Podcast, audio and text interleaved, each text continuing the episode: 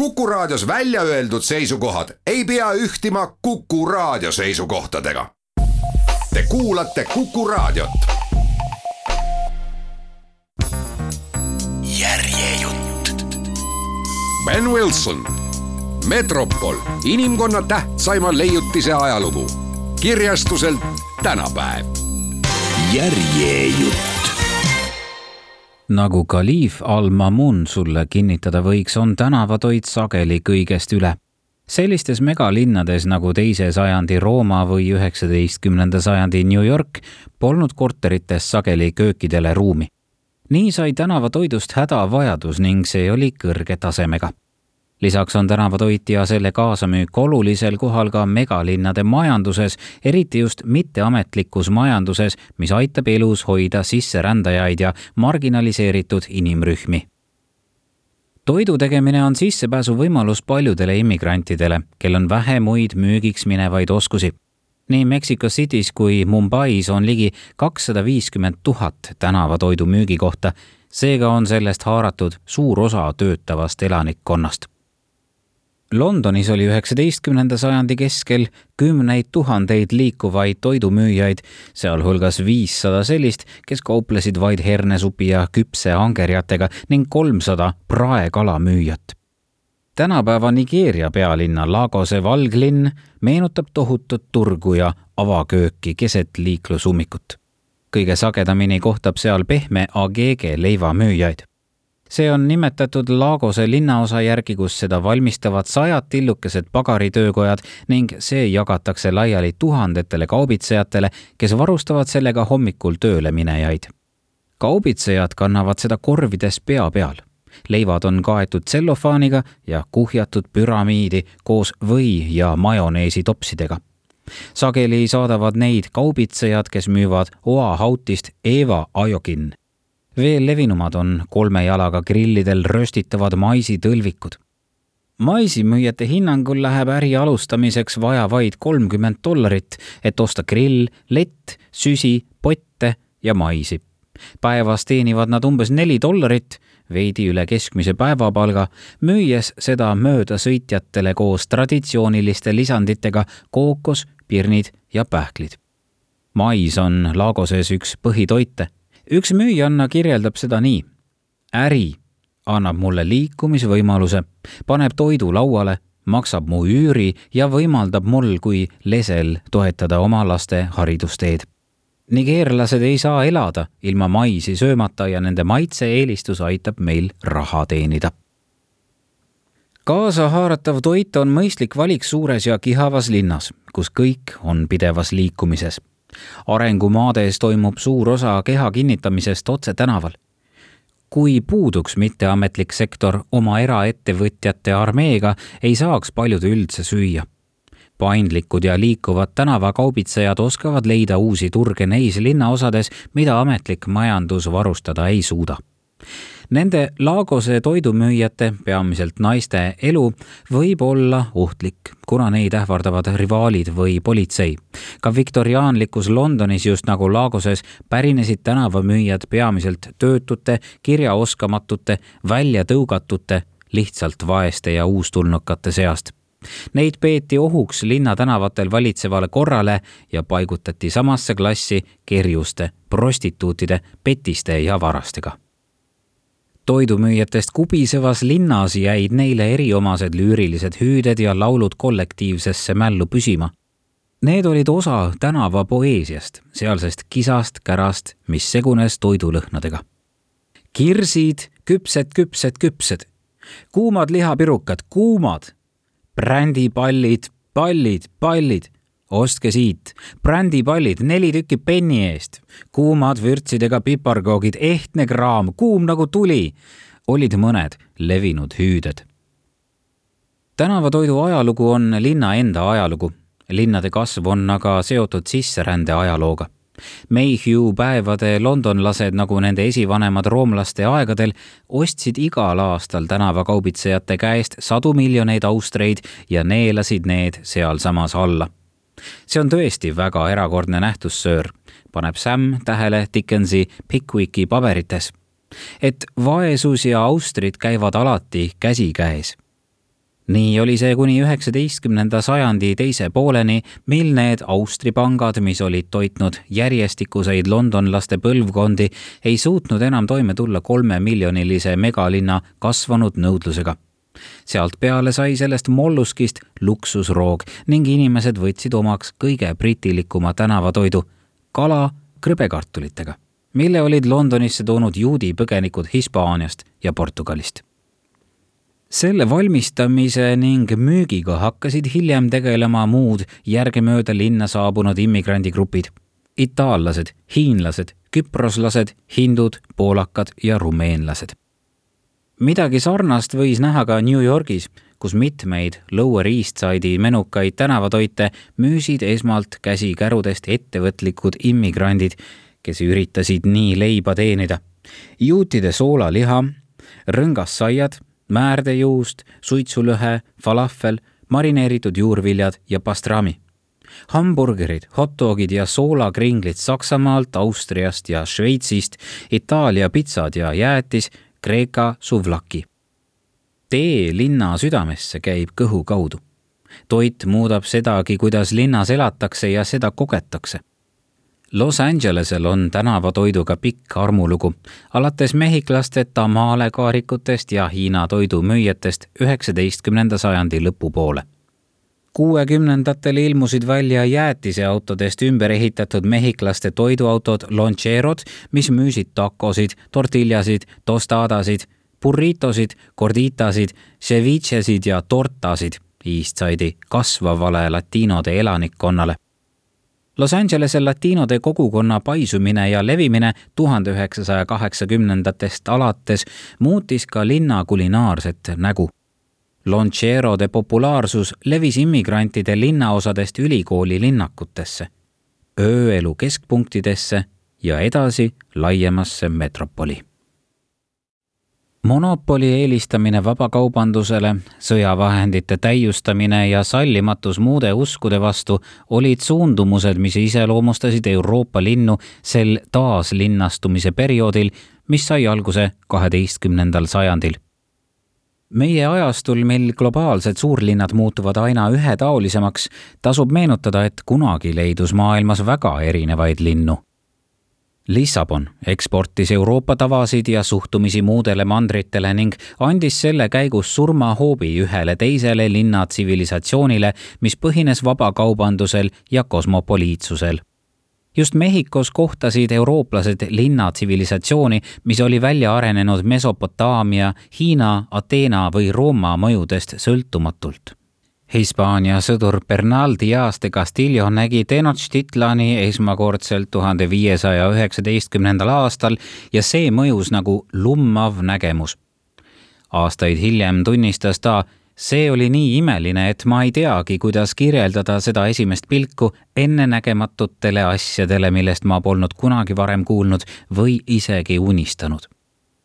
säärast linna oli tõesti raske ette kujutada kahesaja tuhande elanikuga metropol ajal, mil Euroopa suurimas linnas Pariisis elas sada kaheksakümmend viis tuhat inimest.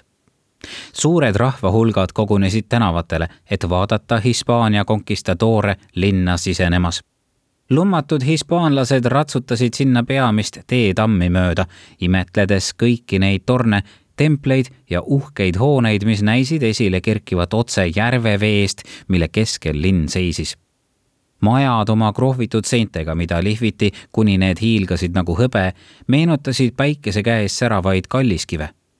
kui nelisada viiskümmend hispaanlast, keda juhtis Hernan Cortes, teetammi lõppu jõudsid, ütles neile tere tulemast Moctezuma teine ise. Tenochtitlani üheksas Diatoni ja Asteekide impeeriumi valitseja linnriik oli ehitatud kaljusele saarele keset Texcoco järve mis oli üks viiest omavahel ühendatud järvest mägiplatool. see kuivendati seitsmeteistkümnendal sajandil ja selle savine põhi on nüüd Mexico City aluspinnaks. Tenochtitlani ühendasid maismaaga pikad sillad ja teetammid, mille kõrval hõljusid hüdropoonilised ujuvad aiad, tšinapad. Need tootsid juurvilju, millega linna toideti metropolis endas oli hulgaliselt kanaleid ja see oli jaotatud laiade avenüüde abil kvartaliteks, mis omakorda olid jagatud kahekümneks väiksemaks administratiivüksuseks nimega Kalpulli.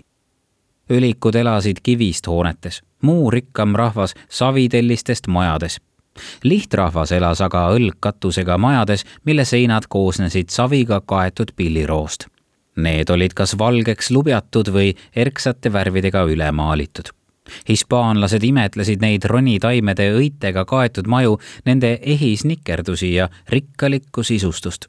Nende arust ei jäänud selle linna elatustase ühelegi teisele alla linna keskel seisis kõige muljetavaldavam hoone, kuuekümne meetri kõrgune suur tempel, kus ohverdati igal aastal jumalatele tuhandeid inimesi. Tenochtitlani tohutu keskturg olevat olnud kaks korda suurem kui Hispaanias asuv Salamanca linn.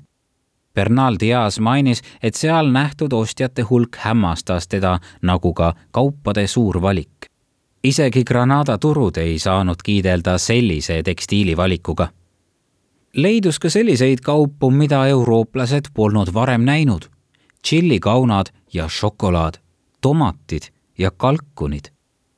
sarnaselt Lissaboniga oli ka Tenochtitlan suurriigi pealinn ning selle turgudel võis näha toiduaineid, kaupu ja rahvast kõikjalt Kesk-Ameerikast ja isegi nii kaugelt nagu Inkade impeeriumist Tenochtitlanis valitseva korrapära eest võis vastutavaks pidada linna planeerimisülemat, keda kutsuti Kalmi Millocatl. selle ametniku tööks oli ehitusstandardite tagamine ja tänavaruudustiku säilitamine, kui linn kasvas välja algse Kaljusaare piiridest, jõudes teistele saarekestele ja järvelt kätte võidetud maale. Kalmi Millocatl polnud lihtsalt funktsionäär, vaid püha ametikoht Asteekide linnad olid kingitused jumalatelt. Tenochtitlan oli taevasammas ja kõiksuse kese. selle paiga oli välja valinud jumal Huitzilopochtli, kes andis sellest märku, lastes kuldsel kotkal istuda viigikaktusele ja alla neelata lõgismao. seda legendi on kujutatud ka Mehhiko lipul linn oma sümmeetrilistest sirgjoontest koosneva plaani ja peatänavate ja hoonete asetusega kujutas endast kosmoloogilist kaarti, mis peegeldas tähtede ja planeetide liikumist. järve keskel asuv saare linn oli nagu kõiksust sümboliseeriv mikrokosmos, kogu maailmakorra juur, naba ja süda. kujundatud täiuslikuks linnaks kujutas Tenochtitlan endast suurriigi spirituaalset ja poliitilist keskust, kust võim kaugemale välja kiirgas. linnaplaneerijad pidid säilitama linna püha sümmeetriat, seda vähemalt kesklinnas. Tenochtitlan oli nagu masin, mida hoidsid käimas selle niisutatud põllud ja mis sai mägedest värsket vett pikkade terrakota akveduktide kaudu nelja peaavenüüd hoidis piinlikult puhtana terve armee töölisi kodanikele pakuti avalikke käimlaid, mida regulaarselt tühjendati ning mille sisu kasutati naha parkimiseks ja ujuvate aedade väetamiseks. Euroopa läpatanud linnadega võrreldes olid Tenochtitlani tehnoloogia ja sanitaarsüsteem üliarenenud. aga eurooplased ei tulnud sinna muidugi õppima London oli pikalt vähetähtis ja marginaalne linn, kuid seitsmeteistkümnenda sajandi lõpus puhkes see õitsele ning sellest saab Amsterdami asemel järgmise sajandi juhtiv globaalmetropol, muutudes impeeriumi pealinnana üha olulisemaks rahvusvahelise kaubanduse keskuseks. selle rahvaarv kahekordistus iga sajandiga seitsmeteistkümnenda sajandi alguses umbes veerand miljonit, selle lõpuks juba pool miljonit, järgmise sajandi lõpus saab sellest esimene Euroopa miljonilinn peale teise sajandi Roomat. Londoni City hävis tuhande kuuesaja kuuekümne kuuenda aasta tulekahjus, kuid tuhast tärganuna ei meenutanud see ühtegi varasemat. Tihedalt asustatud ja ennenägematult jõukas oli see uuesti sündinud Babylon segadusse ajavalt koletu paik, kus parvlesid inimesed ja kihas liiklus. Londoni linn on nagu avar laas, mis on täidetud metselajatest. hoiatas üks moralist ja paljud meist luusivad seal ringi ja on sama metsikud ja üksteist hävitavad kui nemad. kohatu kiirustamine ja häbematus või üksteise segamine ja takistamine olid juba piisavalt halvad veel häirivamalt mõjus see, kuidas metropoli inimesi anonüümseks muutis, lubades neil varjata oma tegelikku identiteeti, mistõttu linn kubises kurikaeltest, petistest ja teesklejatest. lollus, ütlesid mõned. linn ei õõnesta moraali, vaid hoopis arendab seda. linnas me lihvime üksteiselt teravad nurgad ja konarused maha sõbralikult külg külje kõrval elades kirjutas Shaftesbury krahv tuhande seitsmesaja üheteistkümnendal aastal. hiljem samal sajandil leidis šotlasest filosoof David Hume, et linnadesse kogunevad mehed ja naised saavad inimlikumaks, kuna neil tekib komme omavahel vestelda ja anda oma panus ühistesse naudingutesse ja meelelahutustesse. vestlus, naudingud ja meelelahutus jõude aja veetmine oli vahest olulisim asi, mis aitas lihvida moodsa aja metropoli ühiskondlikke kombeid. Briti linnakultuuris muutusid seitsmeteistkümnenda sajandi lõpust peale üha olulisemateks kombekus ja viisakus. turule tulid sajad kombeõpikud, mis andsid nõu, kuidas käituda avalikus ja eraelus.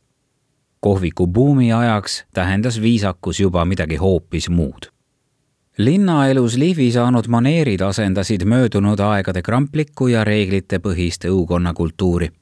just nagu õpetlaste arutelud, poliitiline debatt ja äri olid murdnud välja ülikoolide, parlamendi ja gildide suletud maailmadest ja jõudnud avatud foorumitele, nagu kohvik, nii hakati ka kultuuri ja kunstilist tegevust tarbekaubastama ja need leidsid väljenduse avalikus sfääris viisakus ja kombekus olid linlikud ja selgelt modernsed nähtused.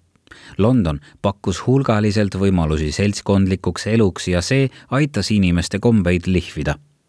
ühtlasi tegi kombekus linnaelu lihtsamaks, kuna suhtlus võõraste vahel kulges seeläbi selles rahvarohkes linnakeskkonnas ladusamalt vestlus loob need meeldivad sidemed, mis meid üksteisega ühendavad, leidis traktaat pealkirjaga Viisakas džentelmen teine kirjamees leidis, et kombekuse tõeliseks sihiks on koosolemine ja vestlemine lihtsamaks ja meeldivamaks muuta. linn on üks inimeksistentsi imesid. see inimsipelgapesa ei lange vägivaldsesse kaosesse just tänu viisakusele, neile sõnades väljendatud ja väljendamata normidele, mis korraldavad inimeste igapäevast läbikäimist heaks kiidetav käitumine muutub ajaga palju on vaieldud selle üle, kuidas erineva rassi, seksuaalsuse, soo ja identiteediga inimesed peaksid avalikus ruumis omavahel läbi käima. näiteks Los Angelese baarides peetakse vajalikuks klientide jaoks minimaalsed viisakusnormid kirja panna. selles asutuses on täiesti lubamatud šovinism, rassism, puuete vaenulikkus, homofoobia, transfoobia, nende ilmnemisel palutakse sul lahkuda Shanghai linnavalitsus pidas kahe tuhande kümnenda aasta maailmanäituseks valmistudes vajalikuks avaldada trükise pealkirjaga Kuidas olla tubli shanghailäne. see kattis kõikvõimalikke teemasid alates riietumisest kuni rangete nõuanneteni lauakommete osas linna nimekiri seitsmest keelatust, mis kirjeldas viisakusstandardeid ja kodanike moraalinorme, trükiti ära ja pandi kõikjale välja juba tuhande üheksasaja üheksakümne viiendal aastal, kui Shanghai kiiresti kasvas ja sinna saabus miljoneid sisserändajaid, peamiselt maalt. ära sülita, ära viska prahti maha, ära lõhu avalikku omandit, ära kahjusta rohelust, ära ületa teed vales kohas, ära suitseta avalikes ruumides, ära ropenda aastal kaks tuhat seitseteist lisatud täiendused annavad märku, kuidas linn on kahekümne kahe aastaga muutunud. sülitamist, vandumist ja vandalismi ei peetud enam vajalikuks mainida. küll aga lisati järgmised meeldetuletused. arvesta auto parkimisel teistega. ära lase oma lemmikloomadel naabreid häirida. ära trügi järjekorda vahele. ära häiri teisi oma jutuga ka buumiaja Londoni karjäärihimulistel meestel tuli leida viis, kuidas sobituda ühiskondlikku või ärilisse ülemkihti. kui õigesti käituda ei osanud, polnud sul lootust sinna sisse pääseda.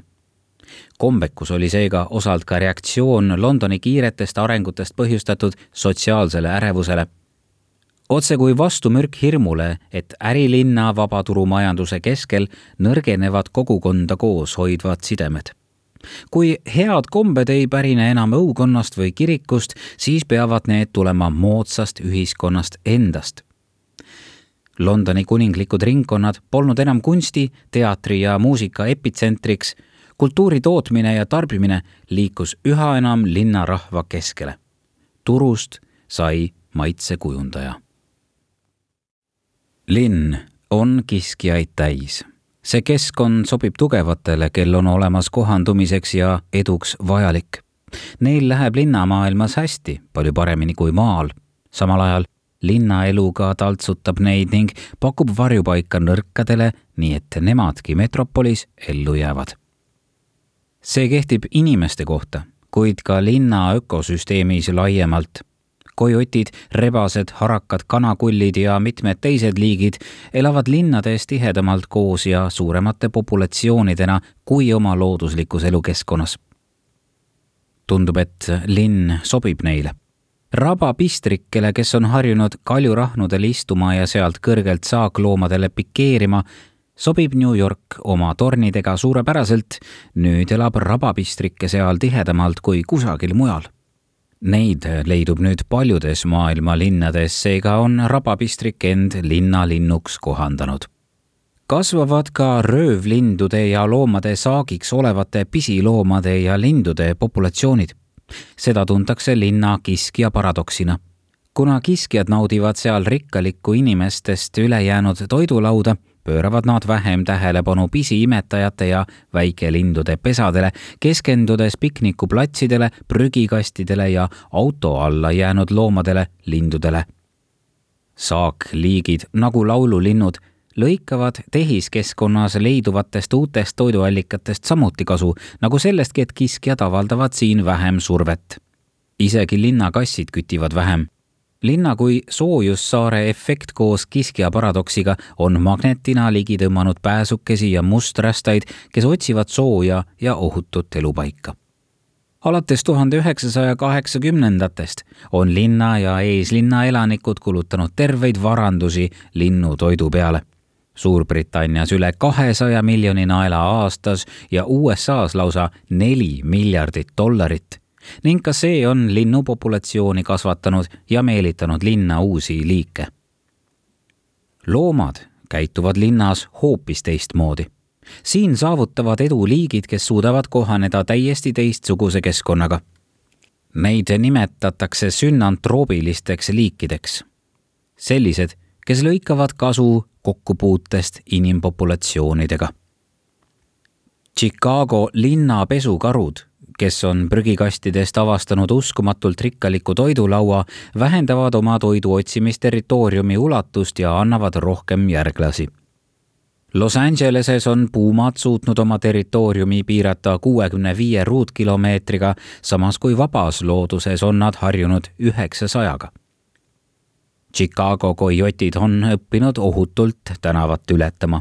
Metsikute kojottide keskmine eluiga on kaks ja pool aastat. linnakojotid võivad elada kaksteist või kolmteist aastat ja üles kasvatada rohkem kutsikaid.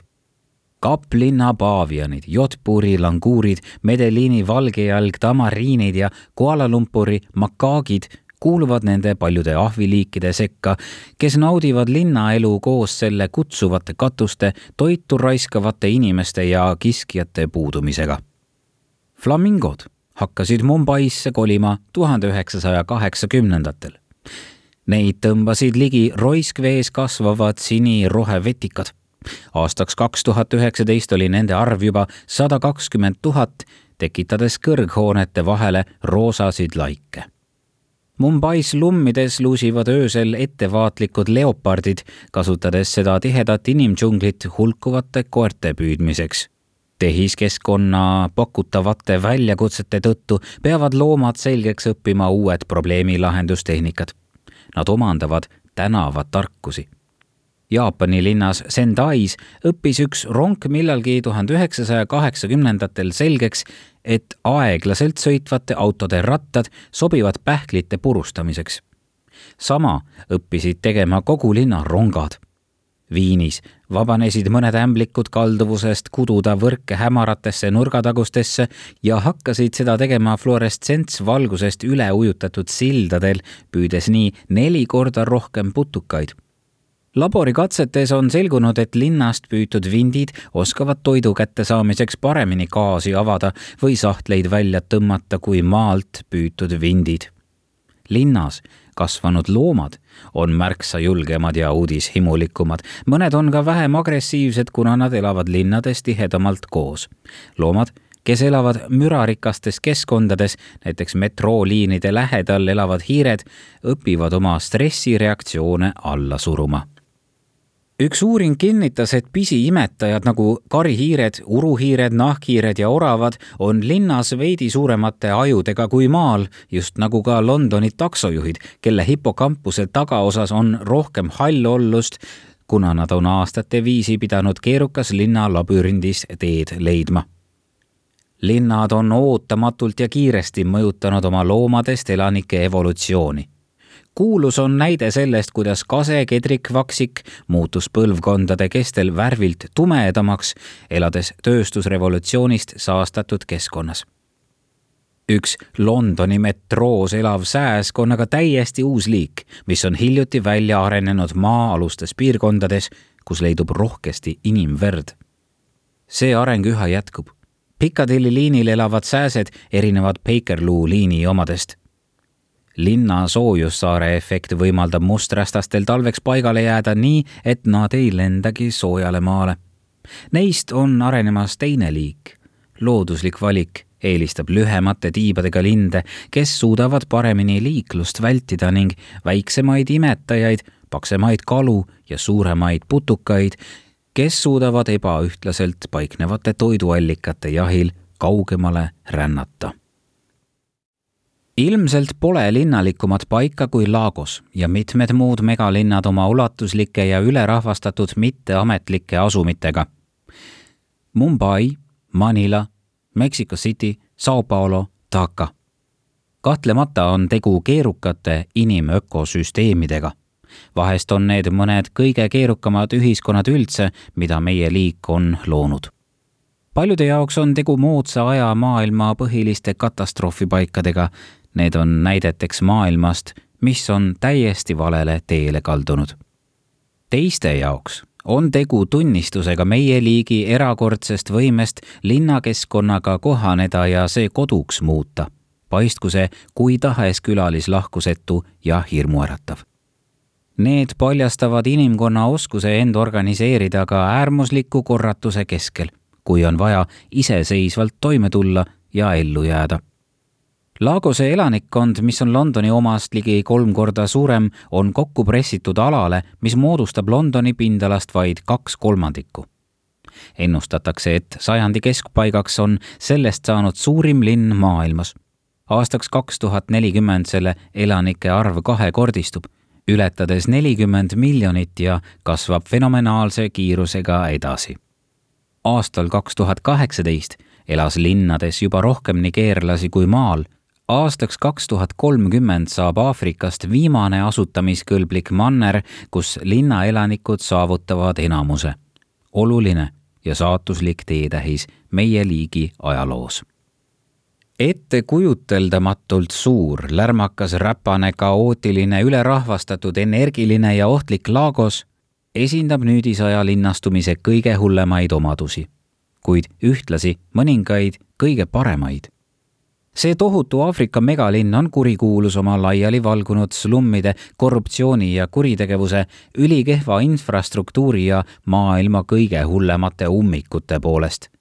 Kõik need veoautode read, mis venivad linna auklikel tänavatel lausa nädalaid järjest, et sadamasse konteinereid viia ja uusi peale võtta, on uskumatu vaatepilt veel hämmastavamalt mõjuvad naftatankerite ja konteinerlaevade järjekorrad merel, mis ootavad dokkimisvõimalust Apapa sadamas.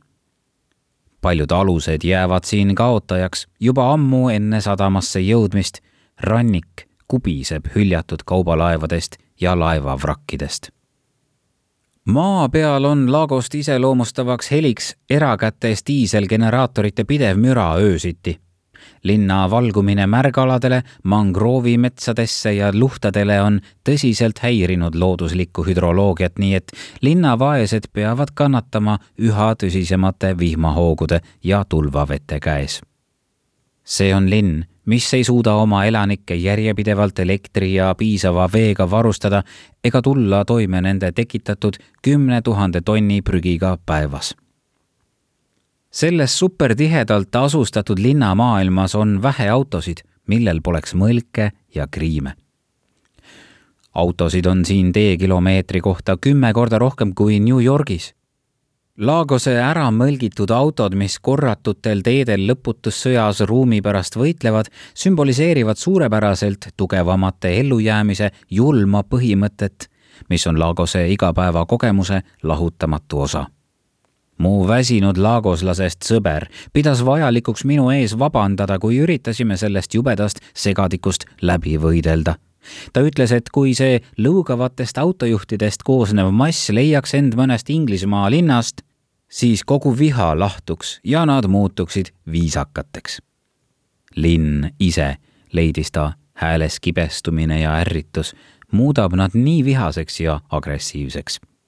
tal võis õigus olla Lagos oli äsja jäänud tagantpoolt teisele kohale maailma linnade elukvaliteedi edetabelis, võites vaid sõjas kannatanud Damaskust. küsisin teistelt autos viibivatelt inimestelt, kes olid pikalt välismaal töötanud USA-s ja Euroopas, miks nad Lagoses elavad ja seda armastavad. Nad vastasid kohe nagu ühest suust, sest see on kõige naljakam linn maailmas käes oli laupäeva õhtu ja raske oli neile vastu vaielda. kui pimedaks läks, muutusid ummikud üha hullemaks, muusika pandi üürgama, igal tänaval praeti toitu ja miljonid inimesed hakkasid liikuma läbi selle linnataru, muutes Lagose suurimaks peolinnaks maailmas Pole kahtlustki, et see elurõõm on loomulik reaktsioon linna karmusele ja selle maniakaalse energia nõudmistele, pakkudes ühtlasi leevendust kaks kolmandikku rahvast elab kahesajas mitteametlikus asumis. Lagose külalistele torkab enim silma Makoko, tohutu ujuv slumm, kus elab sada tuhat kuni kolmsada tuhat inimest ja mille laudadest hurtsikud asuvad haisvas laguunis postide otsas. oma romaanis Lihasööja linn on end Lagose linnapeaks nimetav Tony Khan kirjutanud Laagos on irevil hammastega elajas, kes tunneb kustumatut nälga inimliha järele. elu siin pole vaid julm, see on ka lühike. kuid nagu hullunud öölased, kes ei hooli küünlaleegi kuumusest, parvleme me Laagoses, mis tõmbab meid oma keerisesse jõuga, mis on üle inimese arust ja tahtest kui kohanimed ära muuta, sobiksid need sõnad kirjeldama ka Urukit, kolmandal aastatuhandel enne Kristust või Bagdaadi kümnendal sajandil peale Kristust või Manchesteri, Chicagot ja veel tuhandet linna läbi ajaloo. suured, brutaalsed ja ohtlikud on linnad alati toiminud magnetitena, isegi kui nad ei hooli oma inimkütusest. lisaks on väga veenvaid põhjuseid, miks üks nigeerlane peaks tahtma Lagoses elada kui Lagos oleks riik, oleks see rikkuselt viies kogu Aafrikas.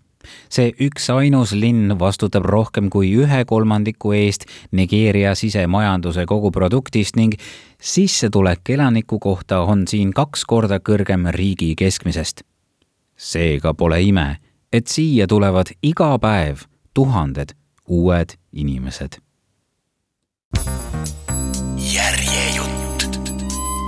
Ben Wilson Metropol, inimkonna tähtsaima leiutise ajalugu.